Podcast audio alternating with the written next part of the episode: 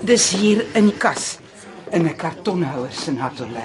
As asseblief noem my Andy mevrou Gardner. Dankie. Andy. Ek het al die briewe eh, wel die wat ek in die hande kon kry vir jou bymekaar gesit. Is nog al 'n hele klompie. Ja. Ja, dit is wag, laat ek help. Dankie. Dis nogal swaar. Kan ek dit voorlopig hier op die eh, op die tafeltjie neersit? Natuurlik. Is seker moontlik dat daar nog van jou briewe iewers kan wees. Ek bedoel nou van die meer onlangse briewe. O nee, sover ek weet is die meer onlangse briewe almal hier. Oh, dis is goed. Dis eintlik meer van die ouer briewe in kaartjies. Die uit julle skool daan. Miskien nog 'n bietjie later waarvan ek nou praat. O, oh, ja. Ehm ek dink ek het daarom ook die meeste van haar korrespondensie gehou. Iewers op die soller tussen al die ander herinneringe. Wou jy 'n bietjie alleen gewees het om deur die briewe te gaan of Nee, dankie mevrou. As jy nie omgee nie, sal ek maar by die huis sommer al die briewe bymekaar gaan sit. En Melissa se vriendskap van vooraf beleef. RSG Radioteater bied aan Keisbriewe deur A.R. Gurney.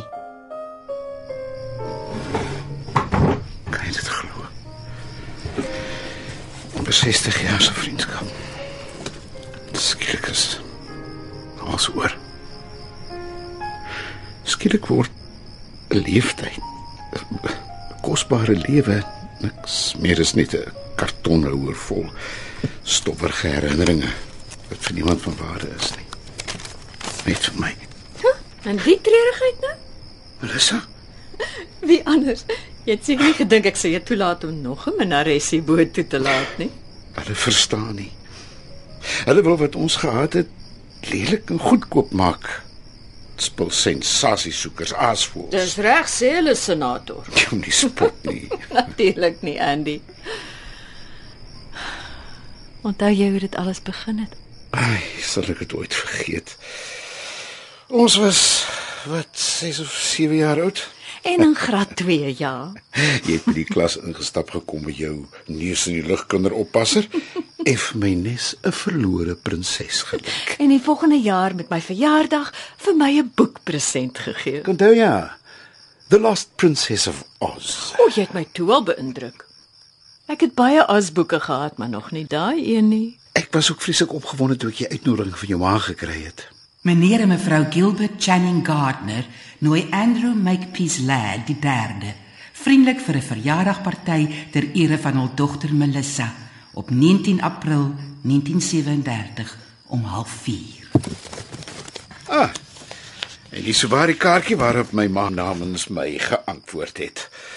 Andrew Makepeace Ladd die derde aanvaar met dank die vriendelike uitnodiging van meneer en mevrou Gilbert Channing Gardner vir 'n verjaardagparty ter ere van hul dogter Melissa. Wonderlike dag. Die beste. Al ons skelmbriefies vir mekaar in die klas. Onthou jy my eerste Valentynskaartjie? Dit was baie snaaks. Ek onthou ek het vir jou geskryf en gevra, "Is jy die een wat vir my die Valentynskaartjie gestuur het wat sê, "Sal jy my Valentyn wees?" Dis ek hier links nie en ek skryf terug die einste. Maar my antwoord was die beste. Onthou jy? Nee, wat wat het jy gesê? Uh, is nie een klasbriefie in die Ek kan boks. nie glo jy kan nie onthou nie. Dis my so helder soos gister. Ek het teruggeskryf, "Dan is die antwoord ja, maar nie as ek jou moet soen nie." Ek onthou nou, ja, ja, ja. uh, jy het altyd 'n wonderlike sin vir humor gehad, Melissa.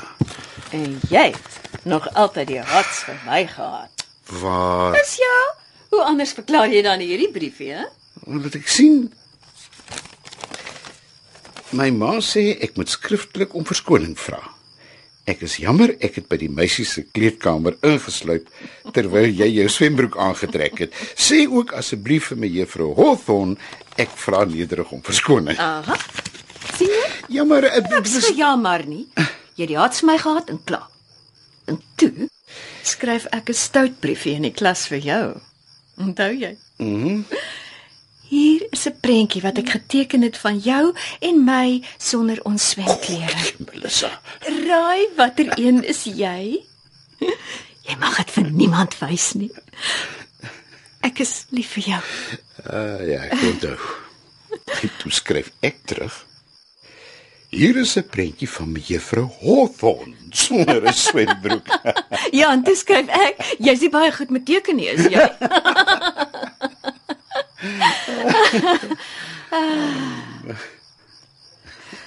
ek dink die moeilikste tyd was toe jy na daai seunskool toe gegaan het. Ek kan dit nou nog nie verstaan nie. Ja, toe maar ek ook nie. jong. Ek het als probeer maar my pa het net gesê dis goed vir my om tussen seuns te wees. Hy het seker geweet een van ons sou die ander op 'n dag nog verlei. Hy was net nie seker wie was die voorbok nie.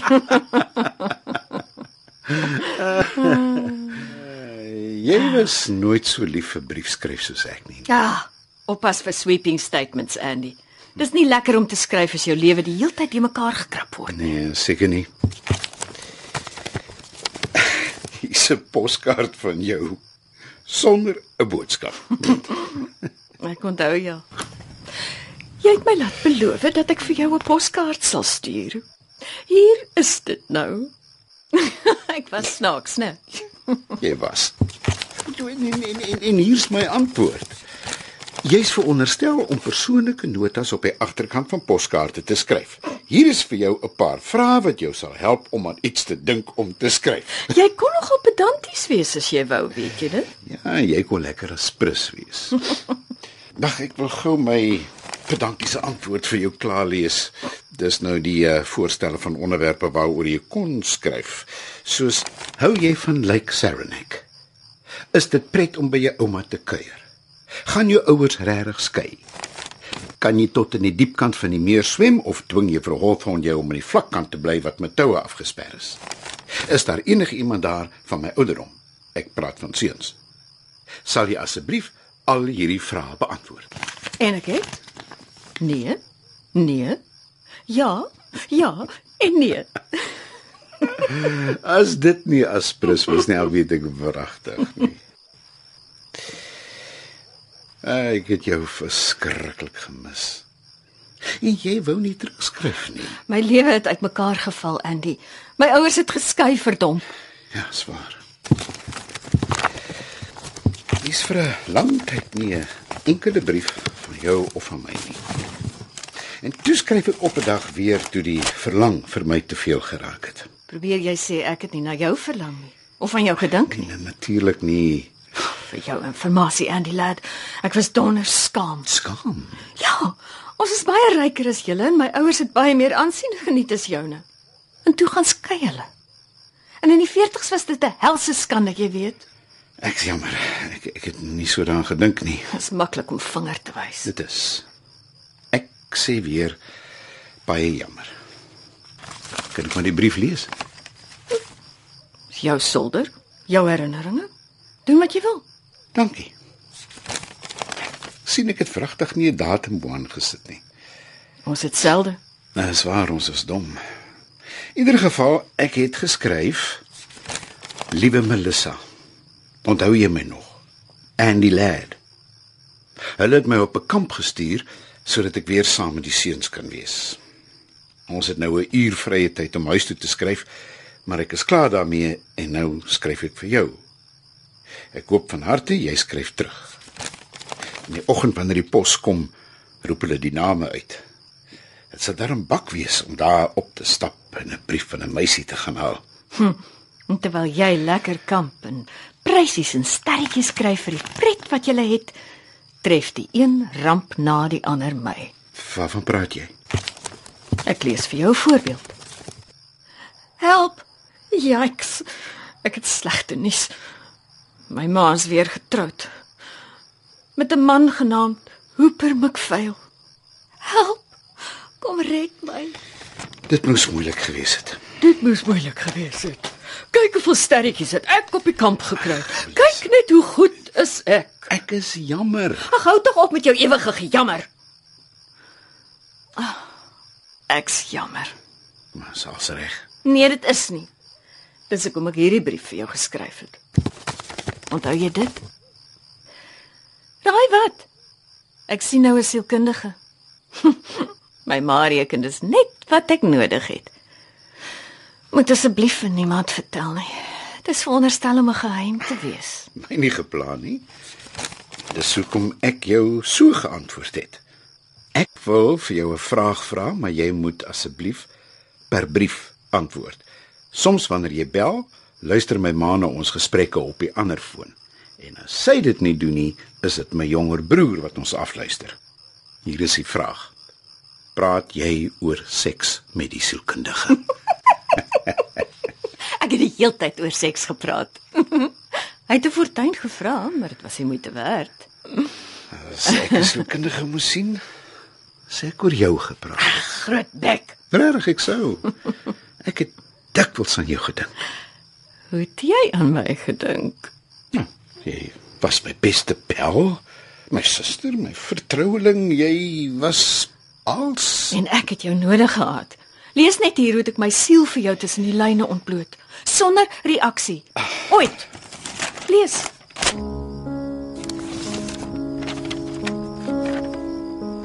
Help. Sal iemand my asseblief red? Hulle het my na 'n nonneklooster toe gepos. Dis die einde van die wêreld. Kan jy asseblief net een Sondagmiddag vir my kom kuier? Ons kan seuns oornooi vir tee van 4 tot 6. Oh, ons word natuurlik dopgehou met valk o. Maar as die weer mooi is, kan ons op en af stap in die oprit tot ons moet aanmeld vir aandgebed. Oh, ons selmuur se kleure is siek groen en ons mag niks daarteen opplak nie. Behalwe skoolbaniere en foto's van jou suf familie. Watter familie? Is ek veronderstel om te sit en kyk na 'n foto van Hooper McPhail? Oh, kom red my Andy. Of skryf ten minste sodat ek tog net die stem van 'n seun kan hoor al is dit net op papier. Ek het sopas jou brief gekry. Ek is ook gepos op die laaste nippertjie. Jou ma het vir my maar gesê dit sal my goed doen. My ouma het vir my 'n nuwe Parker 51 en skryfpapier met my naam daarop as 'n afskeidsgeskenk gegee. Maar dit gaan goed by die skool, skat ek. In Engels is ons nog op die sterkant van Milton se Paradise Lost. Vir huiswerk moes ek die laaste 5 reëls daarvan memoriseer. Byt vas. Ek doen dit gou. Ek's nou terug. Klaar. Dit was nie te moeilik nie. Miskien omdat dit my laat dink aan jou en my wat weggestuur is. Ek skryf dit gou vir jou neer. Some natural tears they dropped, but wiped them soon. World was all before them, where to choose their place of rest, and Providence their guide. They hand in hand, with wandering steps and slow, through Eden took their solitary way. Het jy dit. Ek het dit neergeskryf sonder om na die boek te kyk. En dis reg. Ek weet want ek het dit nagegaan, woord vir woord. Nie te vrot nie, né? Dit klink ongelooflik as jy dit in die badkamer opsê wanneer niemand in die stort is of die toilet gebruik nie. Liefde, Andy. Dankie vir jou brief wat eintlik 'n bietjie te lank is. Ek neem aan jy het baie interessante dinge om te vertel, Andy, maar ek vind dele daarvan nie baie interessant nie. Ek wil meer hoor oor jou gevoelens. Byvoorbeeld, dis hoe ek voel. Hierdie plek is 'n pyn. Maar ek wil nie teruggaan huis toe nie, want Hooper McPhail is 'n groter pyn. En ek het in elk geval nog nooit van 'n koshuis gehoor wat nie 'n pyn is nie, wat beteken dat die lewe eintlik maar 'n pyn is. Skryf gou asseblief. Liefde, ekke. Een gevoel wat die hele tyd by my bly, is dat my hond Poggy mis. Onthou jy hom nog? Ons swart spanjool wat in ons voorportaal gepiep het toe jy hom gevryf het, daai keer toe jy na ons huis toe gekom het na die skaatspartytjie. Ek het 'n foto van hom op my skryftafel langs die een van my ouers. So terloops, kan ek 'n foto van jou kry? Hier is 'n foto van my wat by die Hartford busterminus geneem is. Ek was van plan om weg te loop, maar het toe daarteen besluit. Dis al wat jy gaan kry totdat my draaitjies in die Kersvakansie afkom. Gaan jy huis toe vir Thanksgiving?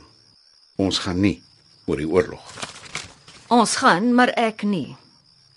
Ek is gehok omdat ek een enkele armsalige sigaretjie buite kan die kunsklas gerook het. So. Nou moet ek hier bly en droë kalkoen saam met die kibane en die Kaliforniërs eet. Maar dit pla my nie. Ek was wonderstel om mammie in New York te ontmoet, maar nou blyk dit sy kan in 'n geval nie gaan nie. Want sy moet Reno toe gaan om van Hooper McPhail te skei. Yes! Hy was 'n skobbejak. 'n Aaklige man wat my in die bed kom plaat, as jy moet weet. Ek sê maar Melissa, Waaroor nou? oor ek so 'n aap was. Dit klink belovend. Sê nog? Het so baie van die briewe gevra ek moet jou help jou troos jou beter laat voel. Al wat ek kon doen was om aan myself te dink. Ek wou eintlik net met jou vry. Maar omdat ek geweet het jy was buite my bereik, het ek eerder gebrag oor my prestasies. Nie reg gelees wat jy sê nie. Indrukwekkend. Dis bevrydend, né? Wat? Om te bieg. Dalk het die spulletjie in daai aaklige kloosterskool tog iets beet gehad. Ja, dalk. Ja. Kyk hier. Tipies. Wat? Ek vra of jy met my wil uitgaan. Stupid.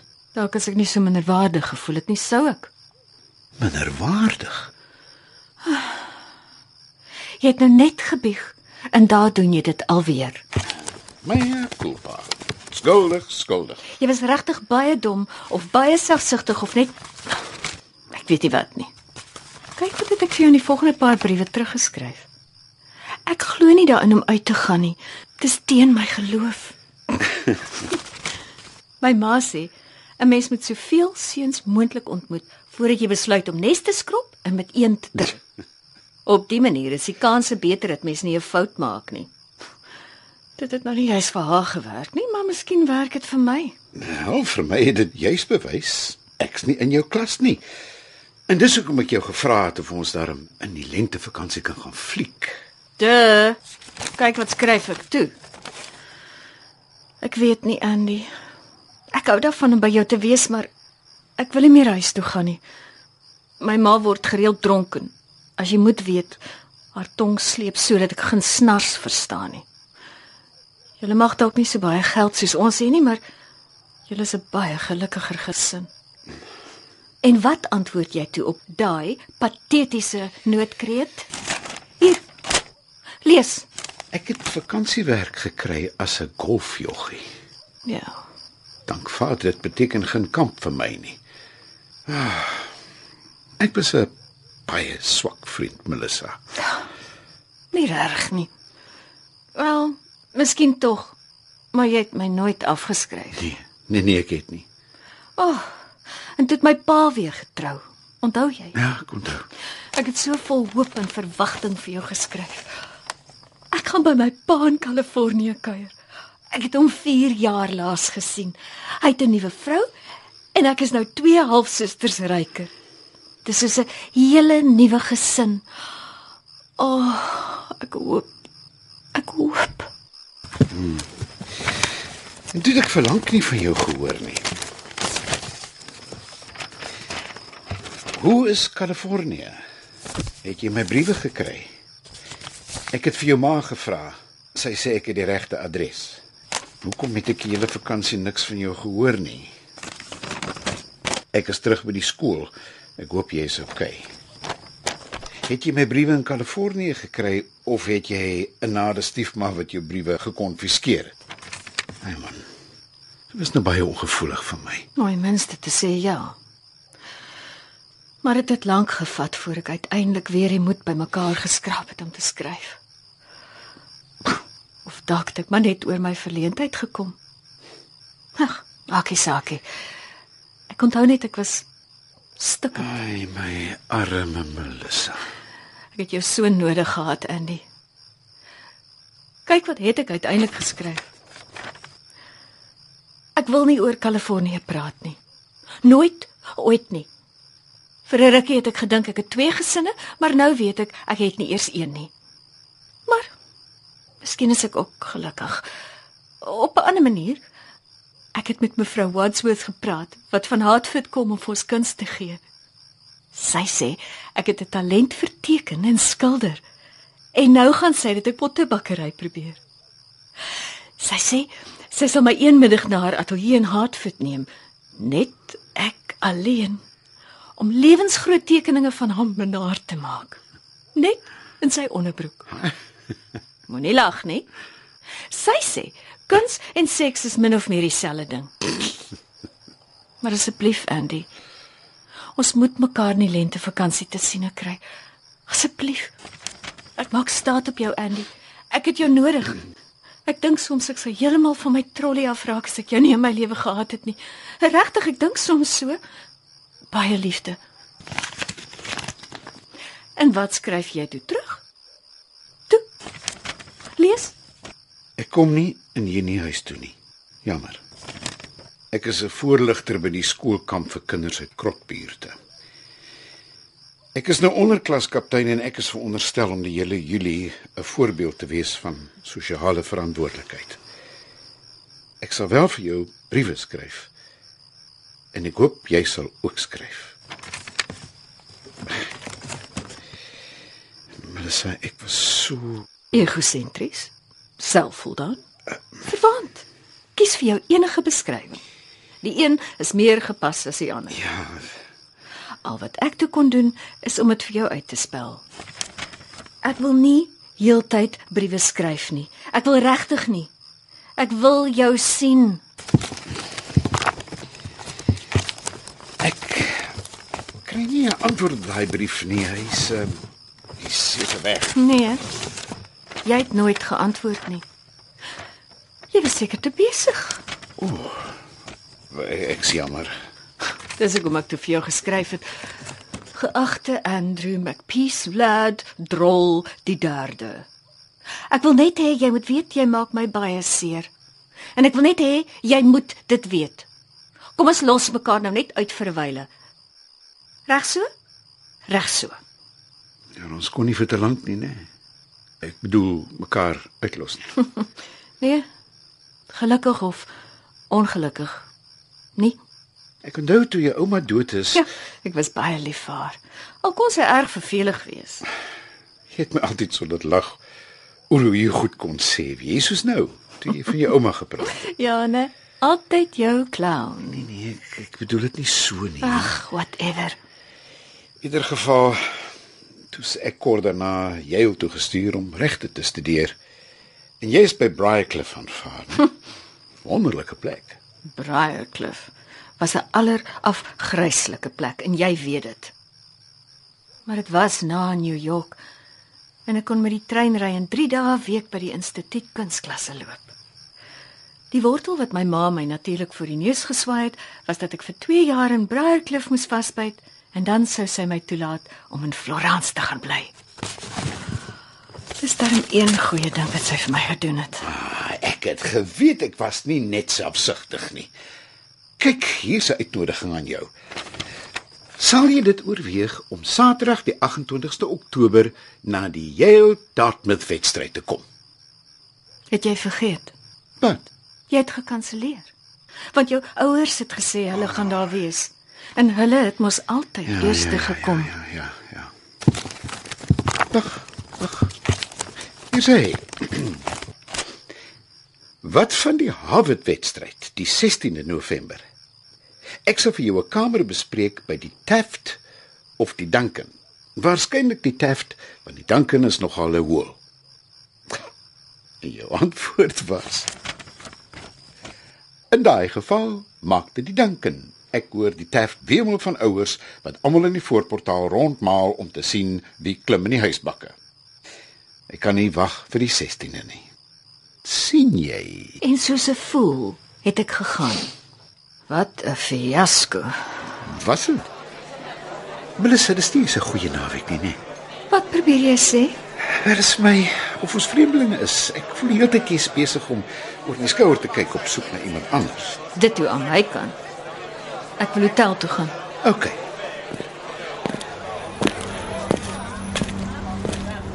Asof ons altyd iets anders verwag het nie. Wil jy weet wat dink ek is fout? Asseblief, sê. Dis jou obsessie met die verdomde briewe. Dis wat fout is met ons, na my beskeie mening. Jy sê dit nie oor jy nie van briefskryf hou nie. Twak. Ek ken jou beter uit jou briewe as wat ek jou in lewende lywe ken. Miskien is dit hoekom ek heeltyd oor jou skouer kyk. Ek soek soek na die mens wat al hierdie jare in die briewe was. Maar hier is dit tog. Moenie my die helle maak, die Andy. Hierdie briefskrywer het alles te mekaar gekrap. Dis 'n slegte blerrie gewoonte. Dit laat ons lyk na mense wat ons nie is nie. Maar dis nie waar nie. Ek dink wat verkeerd is is dat daar twee mense ontbreek vanaand in die hotel Duncan. Die ware jy en die ware ek. Ja, wat ook al fout is. Ons is in groot moeilikheid ek en jy. Dit besef ek nou. So. Gaan ons daaraan doen?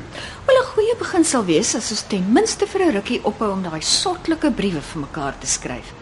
En jy kan my gerus leer bel. Want Ek het die telefoonmaatskappy gevra om 'n privaat telefoonnommer in my kamer te laat sit.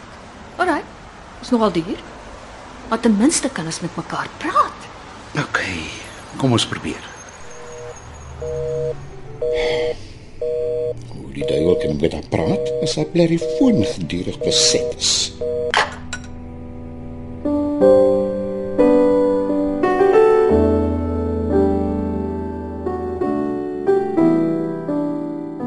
Rede hoekom ek skryf is omdat jou foon heeltyd beset is.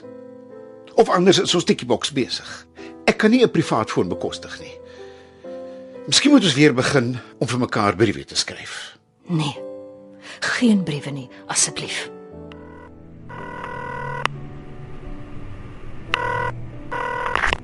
Hallo Melissa, dis Andy. Melissa,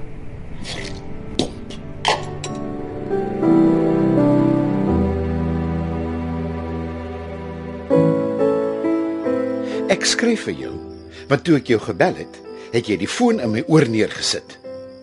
Dis die een ding van briewe. Jy kan my nie sommer net afsny nie. Mens kan wel briewe opskeur. Ingesluit is die stukkies opgeskeurde papier van een. Stuur dit vir Angela Atkinson. Wat die hel is nou fout? Ek hoor jy skryf nou twee keer 'n week ellelange briewe vir Angela Atkinson. Dis wat fout is. OK. Die rede hoekom ek vir Angie Atkinson skryf, is omdat ek dink ek kan nie sommer net ophou briewe skryf nie. Veral nie vir meisies nie. Soos ek al vir jou gesê het, op 'n manier voel ek meer geesdriftig oor die lewe as ek iewers in 'n hoekie sit besig om my dinge neer te skryf. Ek tel die pen op. En feitelik onmiddellik begin alles om my vorm aanneem. Ek is gek daaroor om te skryf. Ek hou daarvan om briewe aan die koerant te skryf. Kort notas vir my vriende, Kersfeeskaartjies, enige iets waar ek woorde op papier kan neerpen. En ek is gek daaroor om vir jou te skryf. Vir jou die meeste van almal. Dit was nog altyd so. Ek voel soos 'n ware geliefde as ek vir jou skryf. Hierdie brief wat ek hier sit en skryf per hand met my eie pen in my eie handskrif kom van my af en niemand anders nie en is 'n geskenk van my aan jou. Dit is nie getik nie, alhoewel ek geleer het om te tik. Daar is geen kopie hiervan nie, hoewel ek seker deurslagpapier kan gebruik. En dit is nie 'n telefoonoproep wat verlore is sodra dit verby is nie. Ek gee myself volkome vir jou oor 'n afstand sonder om enige iets terug te hou. Jy kan my opskeer en uitgooi of jy kan my hou. Jy kan my vandag lees of môre of enige tyd wat jy wil tot die dag van jou dood. Ai ai ai ai ai Liefde Melissa.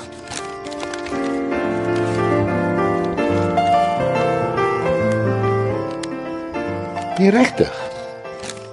Ek het bedoel wat ek in die vorige brief geskryf het.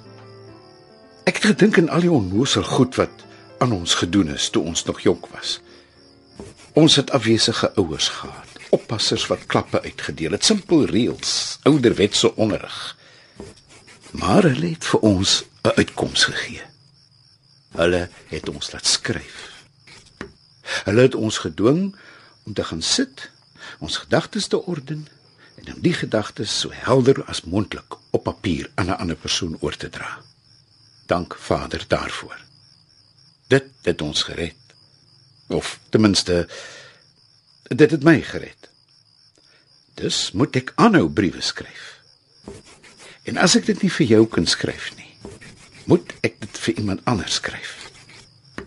Ek dink nie ek sal ooit heeltemal kan ophou skryf nie. Wanneer ons op die jas kan ek volgende naweek vir jou kom kuier. Of nog beter, wil jy nie asseblief vir my kom kuier nie? Ek het myself van hierdie probleme ingeskryf en die vet weet nou skryf ek myself daaruit. Ek sal weer plek bespreek by die Duncan Hotel. En ek beloof ek sal my pen neersit en vir jou 'n ongelooflike ervaring gee. Liewe Andy, raai wat? Net toe ek in die middel van jou brief was, het Jack Duffield my van Amherst gebel en gevra ek moet die naweek daar kom kuier. Toe sê ek ja, want dit was voor die deel van jou brief waar jy my gevra het om vir jou te gaan kuier. Jammer liefie, maar die telefoon het gewen. Liewe Melissa, op 'n manier dink ek nie die stryd is gewonne nie. Dalk is dit, maar ek hoop nie so nie. Liefde. Andy.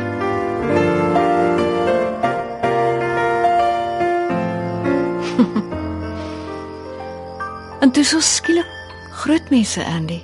Ja. En verder van mekaar en uit mekaar is ooit tevore. Wel, daar was immers vir my 'n ligpuntjie. My ma het my wragtig Florence toe laat gaan, onthou jy? Jy wou altyd so graag Florence toe gaan. Ja. En terwyl ek Florence geniet het, het jy summa cum laude geslaag en allerlei pryse gewen. Dit was toe vir my waaglik en is nou nog vir my waaglik. Melissa, En toe sy in die vloot en seil die hele wêreld vol. jy het myself lekker rondgerits. As dit nie Aspen was nie, was dit Parys of San Francisco of wie weet waar. Wat was die regte storie agter daai Japaneese meisie waaroor jou hele familie so ontsteld was? Sy was mos 'n kroegmeisie of 'n geisha of iets, hè? Jy wou nooit daaroor praat nie. Nie eers skryf nie. Ek wil nou nog nie daaroor praat nie. Ja? Dat letterlik maande verbygegaan sonder dat jy enkele woord vir my teruggeskryf het. Hier's 'n kerskaartjie wat ek vir jou gestuur het. Geseënde Kersfees en 'n voorspoedige nuwe jaar. Ek het gedink jy sal hierdie kaartjie waardeer. Dis 'n afdruk van die 19de eeuse kunstenaar Hiroshige. Die titel is Twee minnaars ontmoet op 'n brug in die reën. Liefde, Andy. Na 2 maande se stilswye. Is dit al wat jy vir my kon sê? Mm. Hoe absoluut uiters arrogant en verwaand. Ek ek ek ek haat myself. Jy kon nie eers op die brief van my reageer nie. Lees dit. Ek het onlangs 'n verhouding aangeknoop. Sy naam is Darwin. Hy werk op Wallstraat en hy glo net die sterkste sal oorleef. Ek wil bitter graag van jou hoor. Jy het my nie eers laat weet jy gaan trou nie. Ek moes van jou ma hoor jy gaan met die Japaneese meisie afhak. Sis, skaam jou Andy. Ek's jammer. En net om 'n reaksie van jou te probeer kry, het ek die brief vir jou geskryf. Ek het besluit om met Darwin te trou. Hy weet dit nog nie, maar hy sal weldra uitvind. Wil jy my nie net ten minste geluk wens nie? Maar niks. Nie 'n woord nie. Ek het gedog ek gaan ons amper 60 jaar lange vriendskap rustig hier op my eie in die soller sit en herleef. Ek het my nie reggemaak vir 'n inkwisisie nie. Wel Andy, ek sê weer. Dis jou solder en jou herinneringe.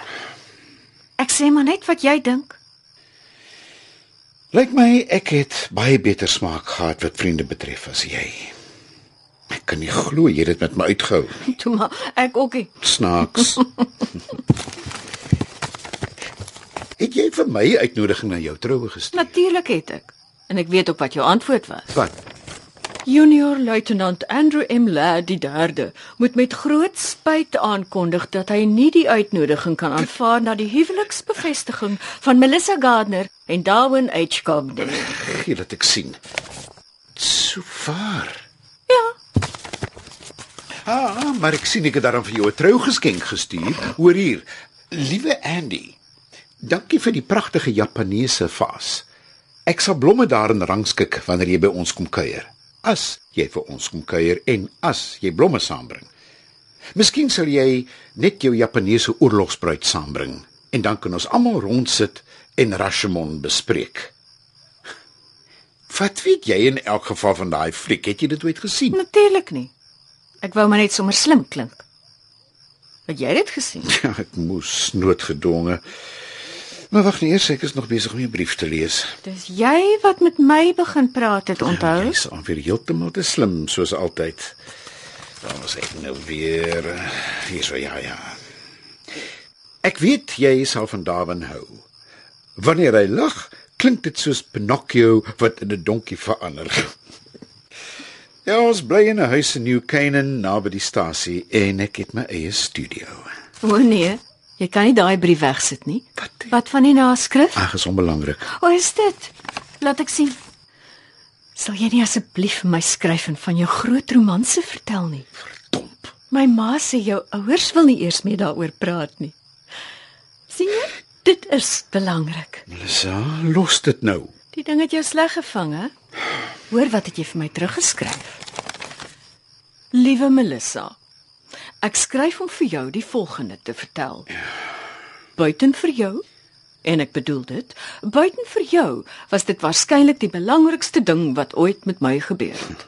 En ek sê was, want dit is oor en verby, iets van die verlede. Ek kom huis toe en dit is al wat ek ooit daaroor wil sê. Ek gaan nooit ooit daaroor praat nie. en jy het wragtig ook nie. Uh, Almal maak foute. Ja, dis waar. Ek verdien 'n professoraat in fotologie. Fotologie. ja, en toe word jy ma. Meneer en mevrou Darwin H. Cobb verwittig hiermee van die geboorte van hul dogter Francesca. Naas Florence darm ook 'n ligpuntjie in my lewe. Partykeer. Jy kan lekker melodramaties wees as jy die dag lus is, hè? Onthou jy die een wat ek vir jou geskryf het? Ek het in die New York Times se resensie van jou uitstalling in Stamford gelees. Lyk my jy is die oorsaak van die een opskudding na die ander oor die lengte en breedte van Merritt Parkway. Ek dink nie jy het ooit my kuns ernstig opgeneem nie. Ek het. Is dit so? Hoekom sou ek dit dan geskryf het? Moenie grappies maak oor my werk nie. Daar's meer daaraan as wat hulle in die New York Times gesê het. Ingesluit is wat ander resensente te sê gehad het. Let op dat hulle dink ek is goed. En ek is ook. Of kan wees as ek as ek net kan fokus. Ag, Melissa, ek het geweet jy's goed. Ek het dit altyd geweet. Ag, jy sê dit maar net. Nee, regtig, ek bedoel dit. Regtig. Genade. Ek kan nie glo ek het dit vir jou geskryf nie. Wat? Ek hoor jy die law review gehaal. Wat dit ook al mag beteken. Ek neem aan jy hersien wette. Dis nog alright, maar dan ek wens jy wil van die huwelikswette hersien. Ek het jou gevra of jy probleme het, maar jy het dit heftig ontken as ek reg onthou. Soos jy sê. Ons maak almal foute. Ek was mal oor jou antwoord op my gelukwensing met baba nommer 2. Nommer 2 is die perfekte manier om hierdie een te beskryf. Ek glo nie daar's 'n ma in die geskiedenis wat soveel doeke moes was soos wat ek vir Mel moes was nie. en toe sy Washington toe om in die appelhof te werk. Was net voor jou pa se dood, né? Ja, dit was nou 'n uh, laagtepunt en 'n half in my lewe. Helemaal lag. My pa het so in my ingedrou dat mense wat in bevoorregte huise gebore is, spesiale verantwoordelikhede het. Dis seker hoekom ek regte gekies het. En hoekom ek uiteindelik by die politiek betrokke geraak het. Wens ek het 'n pa soos joune gehad. Snaaks. Ek dink mens volg half onwillekeurig in jou ouers se voetspore. Want net daai volgende Kersfees was ek en wat se naam uitmekaar. En daar het dit met my begin gaan soos op 'n skihelling. Afdraand. 'n Styl een. Ek was te veel in my eie wêreldjie vasgedraai om dit eers te vermoed. Dit was ook die tyd toe ek Jane ontmoet het. Jane, ja. Hoe kom jy nie na ons trou toe gekom? Ag nee, Andy. So dom is jy seker nie. Mense verbaas wees. Maar toe het ek lank nie van jou gehoor nie. Melissa, was ek en Jane het ons trou genaamd bygedra tot jy weet my ma het mos vir my geskryf jy het siek geword. Jy's nog meer verwant as wat ek gedink het. Dis nie hoe ek dit bedoel het nie. Dis net nou dat ek besef hoe selfsugtig ek eintlik was, wil ek net weet of ek enigstens rol gespeel het in jou siekte. Ag, wees rustig. As jy 'n bydrae gelewer het, was dit minuskiel, glo my. Maar dis goed. Hierdie brief van jou het my nog ontstel. Lees. Nee, ek sal nou. Eers het gou die agtergrond skets. My ma het vir my geskryf en gesê dit gaan nie te goed met jou nie. Toe stuur ek vir jou rose met 'n kaartjie wat sê ek kan nie mooi onthou wat presies dit beteken as jy vir iemand 'n dosyn rooi rose stuur nie, maar hier is hulle.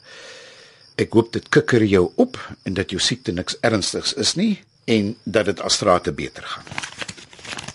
Het ek verlang weer nie van jou gehoor nie en weer geskryf om te vra of jy die blomme gekry het en of jy oukei okay is. En toe kry ek die brief wat my so bekommerd oor jou gemaak het. Ek luister. Liewe Andy, dankie, ek is piekfyn en ek het jou blomme gekry. Nee, eintlik is ek nie piekfyn nie. En hulle sê vir my ek moet ophou maak of ek is. Ek is in hierdie weelderige plek buite Boston waar ek uitdroog vir 150 dollar per dag. Een van my probleme is dat ek effe te afhanklik geraak het van Kickapoo Joy Juice. Gewoonte wat hulle sê ek gedurende die partytjie daar destyds in ons dorp aangeleer het.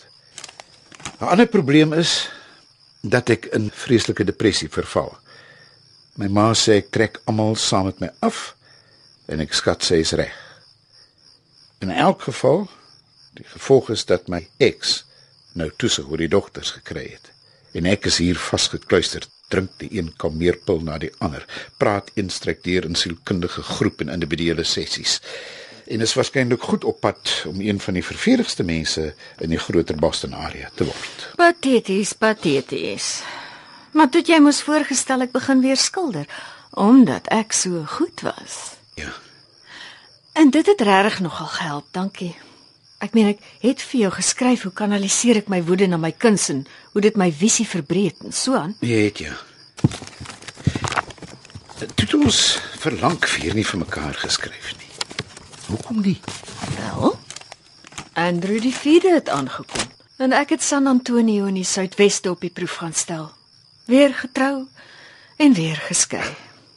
Jy weet, die gewone. En jy het vernoot geword by een of ander regspraktyk. Donna Rose McAllister. Dis reg. En toe se ek al goed opspoed teen daai skielling af. Onthou jy hierdie een? Liewe Andy. Nou dat jy die groot meneer regsgeleerde is, kan jy my dalk help om my kinders terug te kry. Daarom laat my skaars toe om naby hulle te kom en wanneer hy dit wel toelaat, tree hulle op asof ek een of ander aansteeklike siekte het. Was nie veel van 'n ma nie, maar ek kan verbeter en as ek net die wetlike verantwoordelikheid het. Ja, kon onthou. Maar jy wou my help nie. Ek wou, maar ek kon nie. Ag, louter twak Andy. Pure onsin. Darwin se prokureur sou elke argument kom betwis omdat ons ek en jy so 'n lang pad saamkom. Persoonlike vriende is. Jy weet, Nee, ek weet nie. Ek weet net ek het jou toe nie geglo nie en ek glo jou ook nie nou nie. Maar dis oor en verby. Nes Egipte. Egipte. Ja. Toe jy my nie wou kon help nie, het ek mos weggehardloop Egipte toe. Oh, ja. 'n Nuwe begin probeer maak in die wieg van die beskawing. Ja, ek onthou. Maar jy het nie baie lank gebly nie, nee. Nee. Dis ek Los Angeles toe en uiteindelik maar weer terug na New York. Nes jy? Ja. Hier's verlang net kerskaartjies oor en weer, niks meer nie. O. Oh, hier's een wat sê van Andy, Jane, Drew, Nicholas en Ted. So, al drie seuns was al daar teen die tyd dat ek en jy weer terug was in ons dorp. Spog jy nou? Nee, nee, nee, ek sê maar net. Oek. Wat? Betref my nou. Nou dat ek na die brief van my kyk. Hoe verder af teen die helling ek was, hoor het jy geklim? Hoor wat het geskryf? Moeder het geskryf om te sê jy het een of ander belangrike verkiesing vir die Republikeine gewen. Ek is bitter teleurgesteld. Ek hou van alle politici, maar die Demokrate ken hulle storie in die bed. Wel, ek het daarom 'n skerp antwoord vir jou gehad. Ek is 'n liberale republikein en 'n groot voorstander van vroueregte. Tel dit. dit hang af van jou posisie. ja, dis vir jy geantwoord het. Ah, maak nie saak hoe ver jy teen die helling af was nie, Melissa.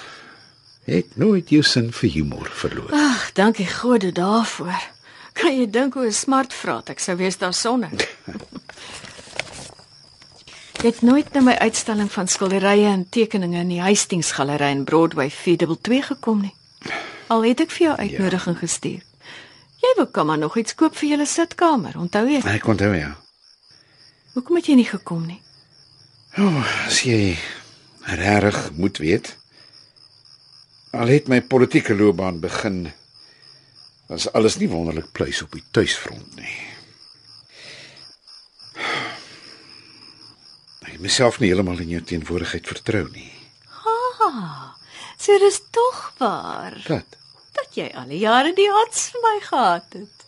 Nee, ek het nie. Ja, jy het.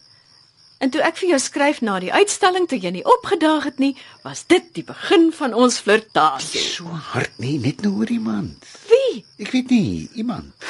ek het mooi die aas vir jou uitgegooi. Waar? Hoor hier.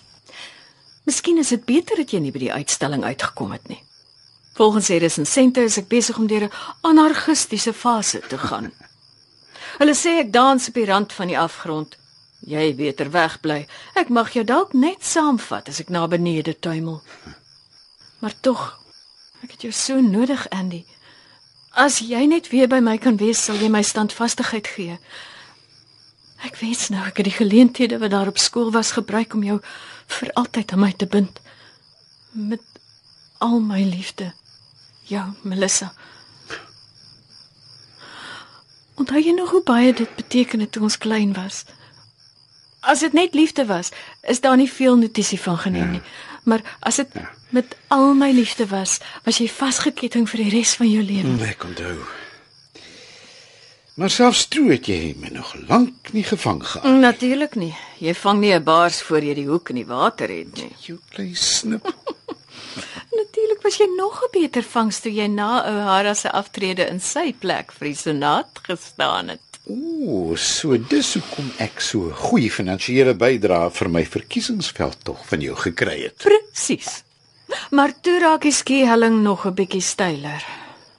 Onthou jy? Nee, eintlik nie. Ek kan slange vang as jy jou so onnosel hou. Ek hou my nie onnosel nie. Ek is onnosel. Nou kom ek verfris jou geheue 'n bietjie. Groete uit Silver Hill. 'n Effe van 'n terugslag in die drankdepartement. Hulle sê dis in die gene. Hemel weet, My ma sit met die probleme en uiteindelik toe my pa ook. In ieder geval, ek werk daaraan. Daarin gedraam soos 'n regte hond sover dit die dogters betref. Hy het my besoekreg laat verminder. So wanneer jy in Washington kom, wil ek hê jy moet 'n spesiale wet laat skryf wat wraksugtige eksmans tot laar landluisie verban tot in alle ewigheid. Amen. Ja, nou onthou ek. Ek het so 'n verskriklike eksistensiële krisis beleef daai tyd. alleen in New York, sonder kind of kraai, met die groot vraag: Wie is ek? Wat het van my geword? Ek het bly dink aan die wêreld waarin ons groot geword het. Hoe was dit moontlik dat ek jou en my kon oplewer? 'n Standvastige en getroue dienaar van die nasie en 'n beskonke, siniese, wellustige ou tert. Die beste en die slegste. Dis ons. Moenie so van jouself praat nie, Melissa. Andy. Ek het net bestaan, maar lank nie meer gelewe nie. Mense wat lewe kan voel en beleef. Ek moes iewers gevoelens opdiep, enige gevoelens as ek wou lewe in my laaste hoop om die vergete gevoelens uit die jaar toe te weer in my te laat wakker word was jy. Dis hoekom jy toegeskryf het. Kom kuier en help my soek na lewe. Ek het 'n ateljee in Soho en ons kan wel ons kan ten minste saam eet en oor die ou dae gesels. Of hoe senator Ladd.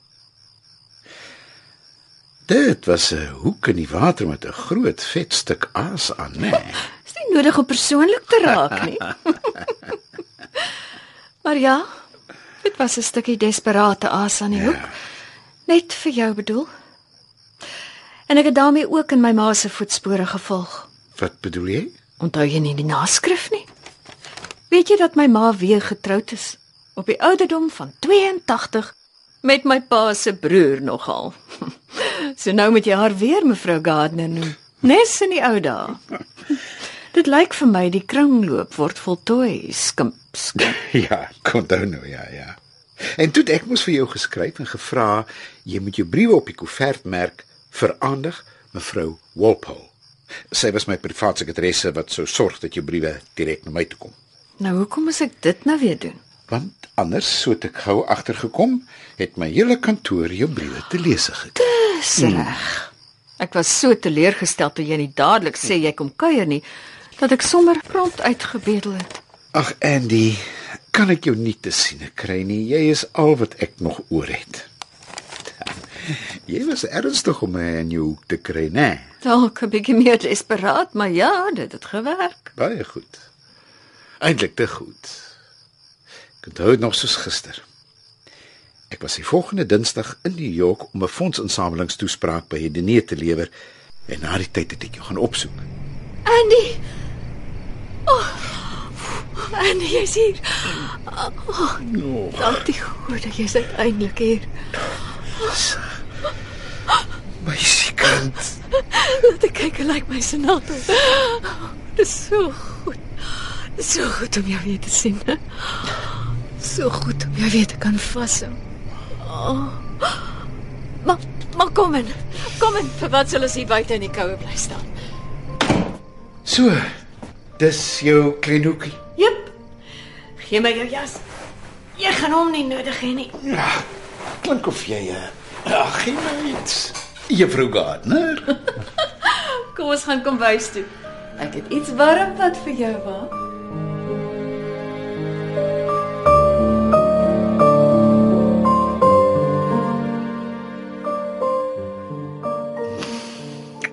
Jou so gemis.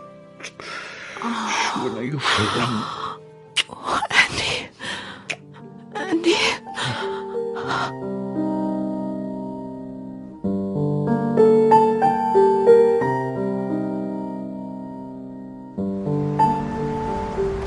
Dekker hier asseblief.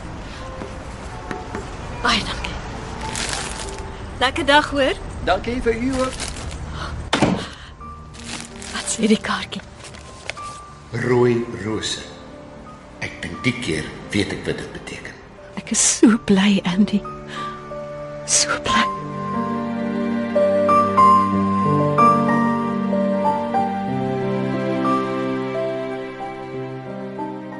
Al wat ek na gisterand weet, is dat ek jou weer wil sien. Moet sien. Enige kans dat jy in die afsienbare toekoms weer by fondsinsamelings betrokke moet wees?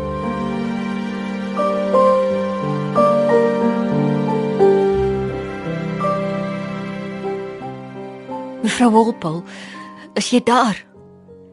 Lewer jy Andy se pos vir hom af?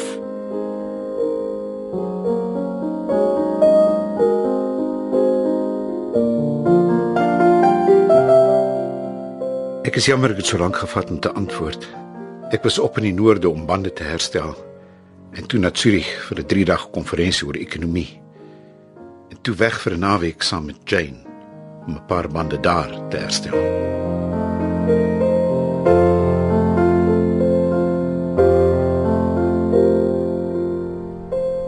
Genade Andy, wat 'n gespook om by jou uit te kom. O, hallo. Ek verlang nou gans te veel.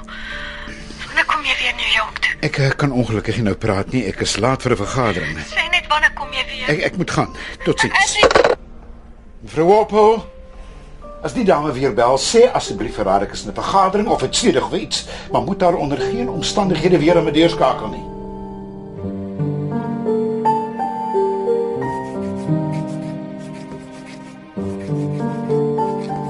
Liefling, ek moet jou vra om nie weer kantoor toe te bel nie.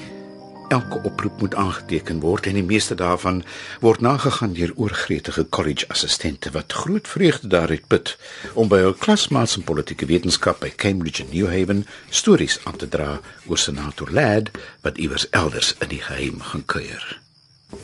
Die telefone is eenvoudig nie veilig nie.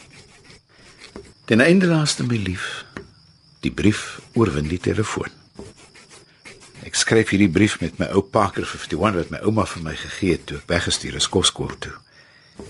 Ek het dit agter 'n lesenaarlaai gevind, saam met my scrolling key speld, my junior luitenant strepe uit my dae in die vloot en die aansteker wat jy vir my by een of ander dans gegee het. Kyk, ek weet jy het nooit daarvan gehou om briewe te skryf nie, maar nou moet jy. Ha ha. Maar ernstig nou. Ek beplan om volgende Woensdag teer te kom New York toe. En sal jy van die lughawe af bel as ek tyd het om 'n draai te maak.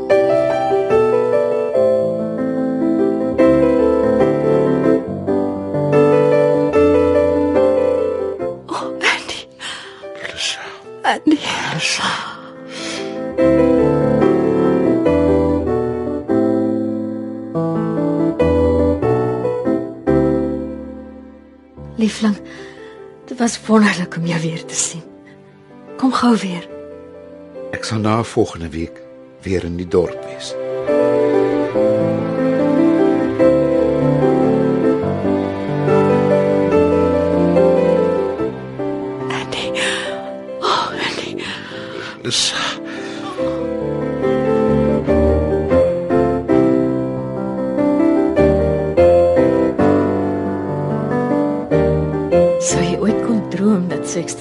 So ongelooflik kon wees? soos twee angstige white Anglo-Saxon Protestants wat wild te kere gaan by 'n uitverkoop van Brooksbrothers. Ek skat ons het laasnag so 50 jaar kaf gedraf. Kom ons mik vir 100. Om Vader se naam. Kom weer gou. Nog gouer. Ek maak al klaar planne.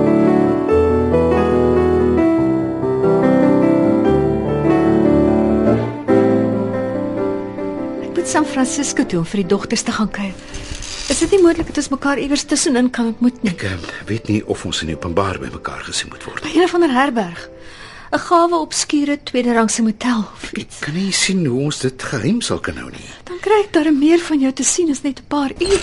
Dit is vir my 'n groot waagstuk, 'n baie duur prys om te betaal. Ek raak so dat ek aan niks anders kan dink as hoe ons vir altyd by mekaar kan wees nie. Ek is nie seker of ek so 'n radikale verandering in my lewe sal kan bekostig nie. Maar ander politici het al geskei. Rockefeller, Reagan, Ek moet dink aan Jane en die kinders, my kiesafdeling. Andy. Jy is die middelpunt van my bestaan. Skat, As jy as jy my moet los, dink ek nie ek sal dit oorleef nie. met die komende verkiesing, ek ek, ek ek kan nie sien hoe ons ooit kan waag om, om iewers ver van die huis af by mekaar gesien te word nie.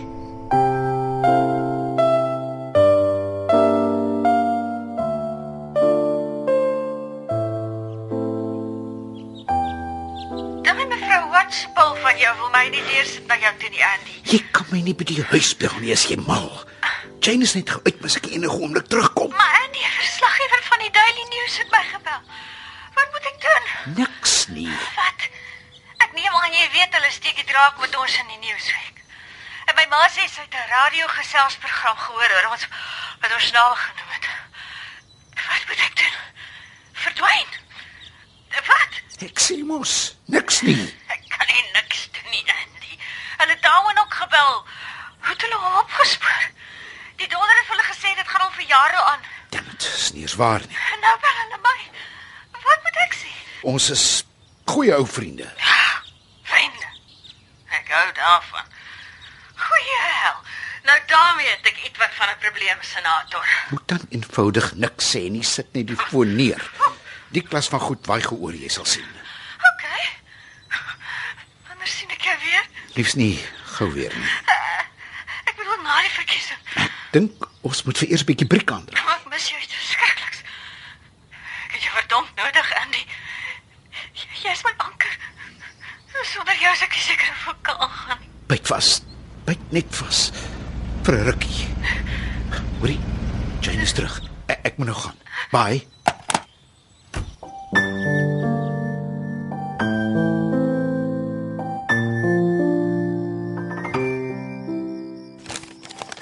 Was jy? Ek het vir 3 ure gewag in die hoop dat jy ten minste sal bel. Moet asseblief nie weer bel nie. Mevrou Walpole was daardie dag siek en jy is verbaas wees so maklik gerugte kan versprei. Dis nou al meer as 'n maand wat ek jou nie gesien het nie. Die komende verkiesing vereis al my tyd en aandag. Jy kan tog seker 'n bietjie tyd afknyp om my te kom sien. As ek herkies wil word, moet niemand 'n vinger aan my kan wys nie. Jy kan dit seker verstaan. Maar ek het jou nodig. Ek het nodig om by jou te wees. Ek weet nie of ek kan oorleef sonder jou nie, Andy. Asseblief. Laat die verkiesing net eers verbykom.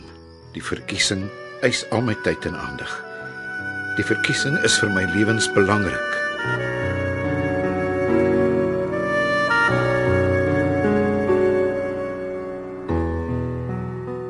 Ek het niks van jou gehoor die afgelope 6 weke nie, Andy.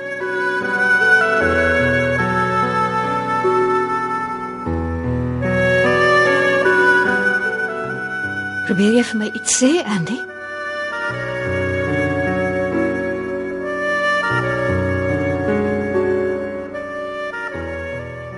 Is dit nou dit, Andy?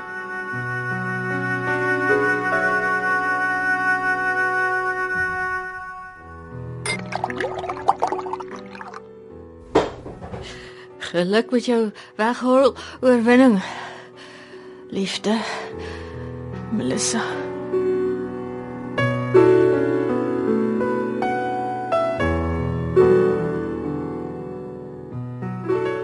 Volgende Sondag aand by jou ontmoet? Ag, dankie Vader. Ek bedoel ons moet praat, Melissa. Wel. Praat.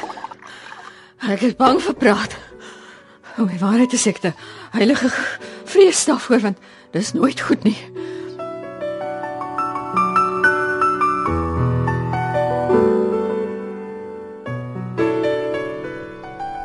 Dankie dat ons kom praat, Melissa. Ja. Ek moes geweet het dis te goed om waar te wees. Julle bliksems is almal dieselfde. Melissa, wag nou. Wag nou se gat. Julle vreet pap tot julle genoeg gehad het en dan donder julle weg. Ek moes geweet het jy's op maar net 'n vark. Glo my, dis dis nie wat ek wou Nou, gehad wat het nie. wou jy gehad het, senator lad? 'n Dom tert wat net daarvoor lewe om jou te plesier as jy daarvoor lus is. Melissa, Wel jy het nou jou kop in 'n blerrie pyn gesloop. ek ek dink ons het albei eenvoudig vasgevang geraak in 'n lieflike droom sonder om te dink aan die gevolge. Ek het nuus vir jou, meneertjie. Ek het nie gedroom nie. Ek het vasgeglo jy's eerlik en opreg. Maar ek- dat jy beter is as ek. Dat ek en jy 'n toekoms saam het. Ek weet dit was liefling voor en liefling agter en rooi rose en als. En al die tyd is ek niks meer as net 'n verdomde goedkoop slet vir die upstanding senator Andrew Ladd die drol nie. Ek is so jammer. Trap, senator lad. Net weg in jou malle maaien. Geniet die lewe met jou armsalige preetse Jane wat van geen sout of water weet nie. Wat glo sy 'n eerlike getroude man wat nooit links of regs sal kyk nie. Dra maar my na huis uit. Gaan ek wel. Ek spreek jou. Nee, ek net weg uit my lewe.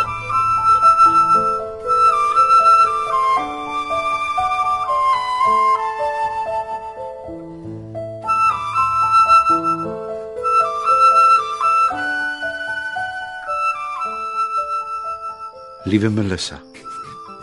Is jy oukei? Okay? Dit het nogal heftig geraak verlede Sondag.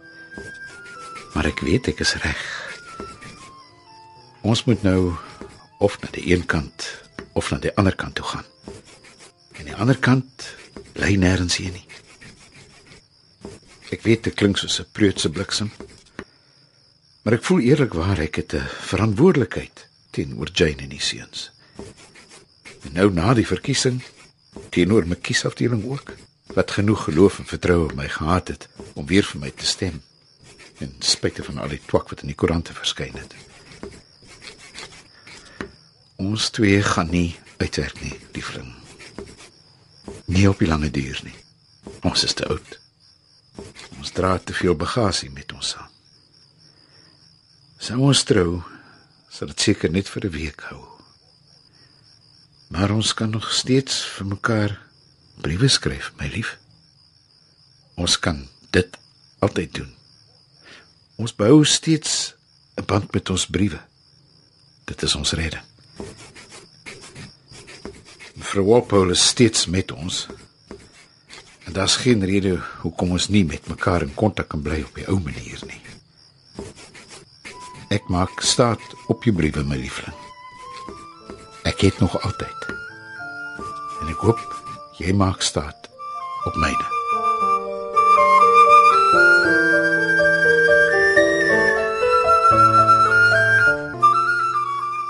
Is jy daar? Ek hou aan om stuur asseblief aan op die koeverte te skryf. Maar wie weet?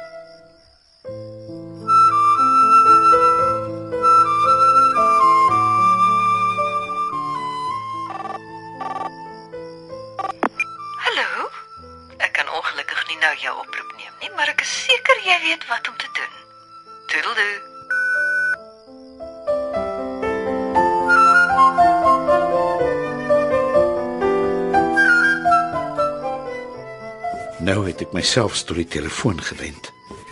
Maar al wat ek kry is jou vervlakste antwoordmasjien. Asseblief, ek moet van jou hoor.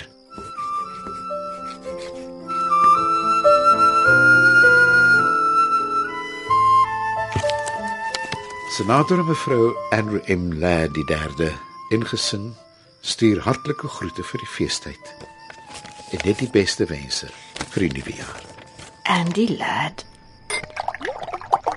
Is dit jy?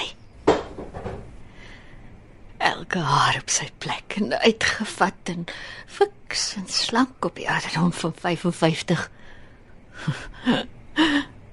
Wat skuil agter sy lieflike vrou met haar hake bymekaar en haar hande mooi netjies voor haar gevou.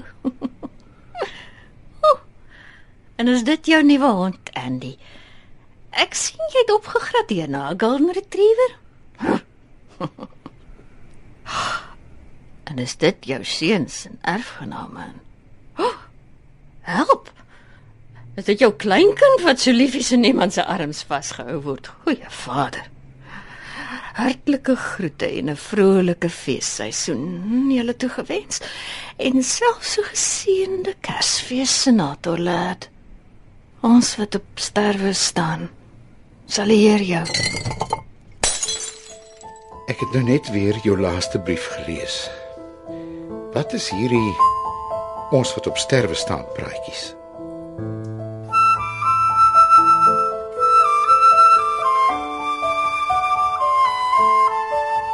Kan ek jou weer sien?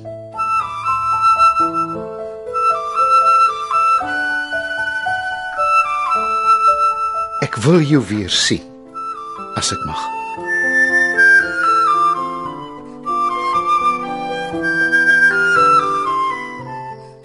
Geagte mevrou Gardner, dit lyk of ek alweer kontak verloor het met Melissa. Is dit moontlik dat u vir my haar jongste adres kan stuur?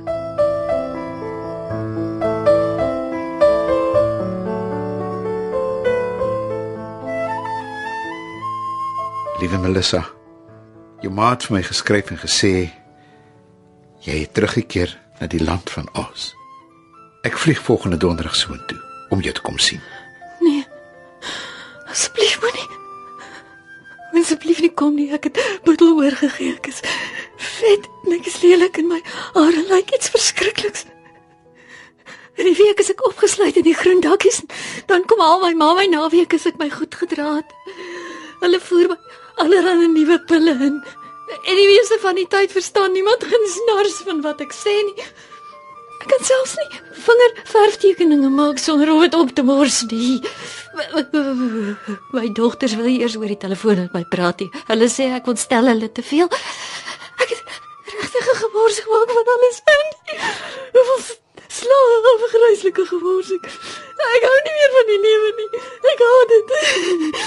So so dink ek as dit as ek en jy nie as nie mo- moenie kom nie Andy asseblief. Ek kom Saterdagoggend daaraan. Ek sal jou by jou ma ontmoet. Moenie. Ek wil jou nie sien nie. Ek gaan nie daar wees nie. Ek gaan weg wees, Andy. Ek sweer. Ek gaan weg wees.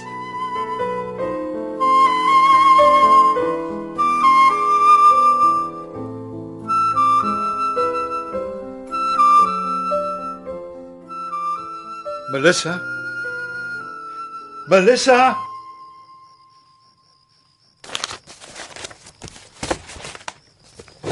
Ek Ek gaan jou bus, my seker. Ek gaan jou bus.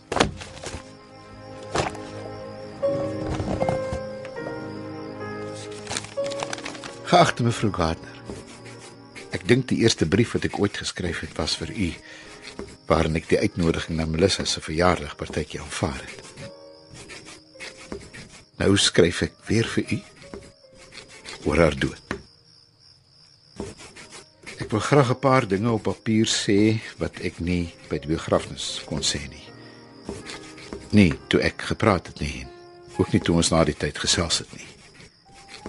Soos jy dalk weet, ek en Melissa grootste gedeelte van ons lewe met mekaar in kontak gebly. Hoofsaaklik deur briewe. Selfs nou, soos ek hierdie brief vir u skryf, voel dit vir my asof ek ook vir haar skryf. Nou is jy in jou element, Andy. Ons het 'n komplekse verhouding gehad ek en sy.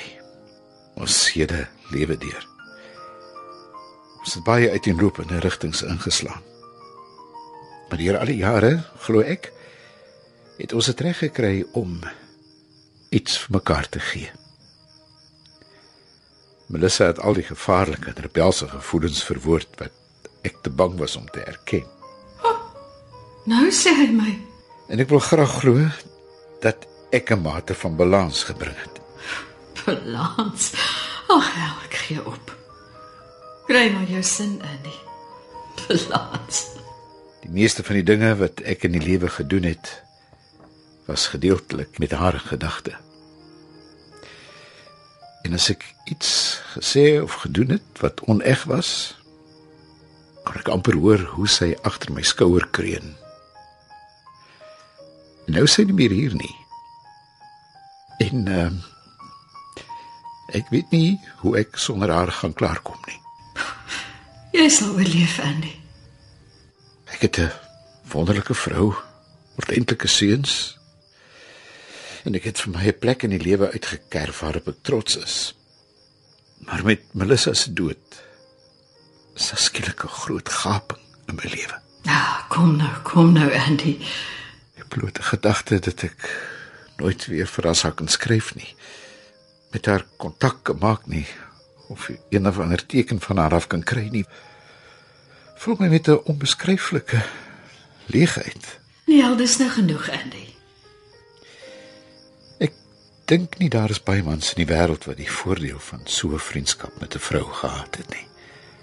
Maar dit was ook meer as 'n vriendskap.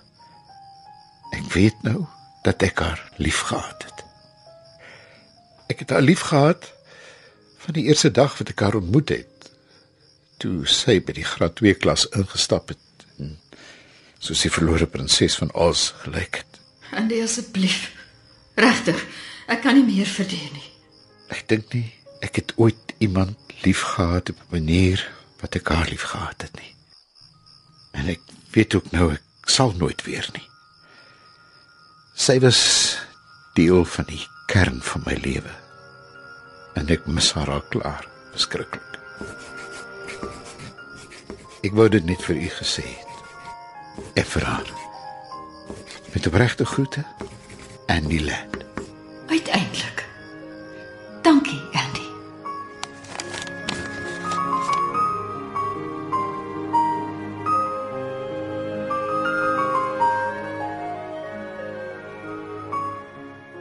In radioteater het u geluister na Keisbriewe.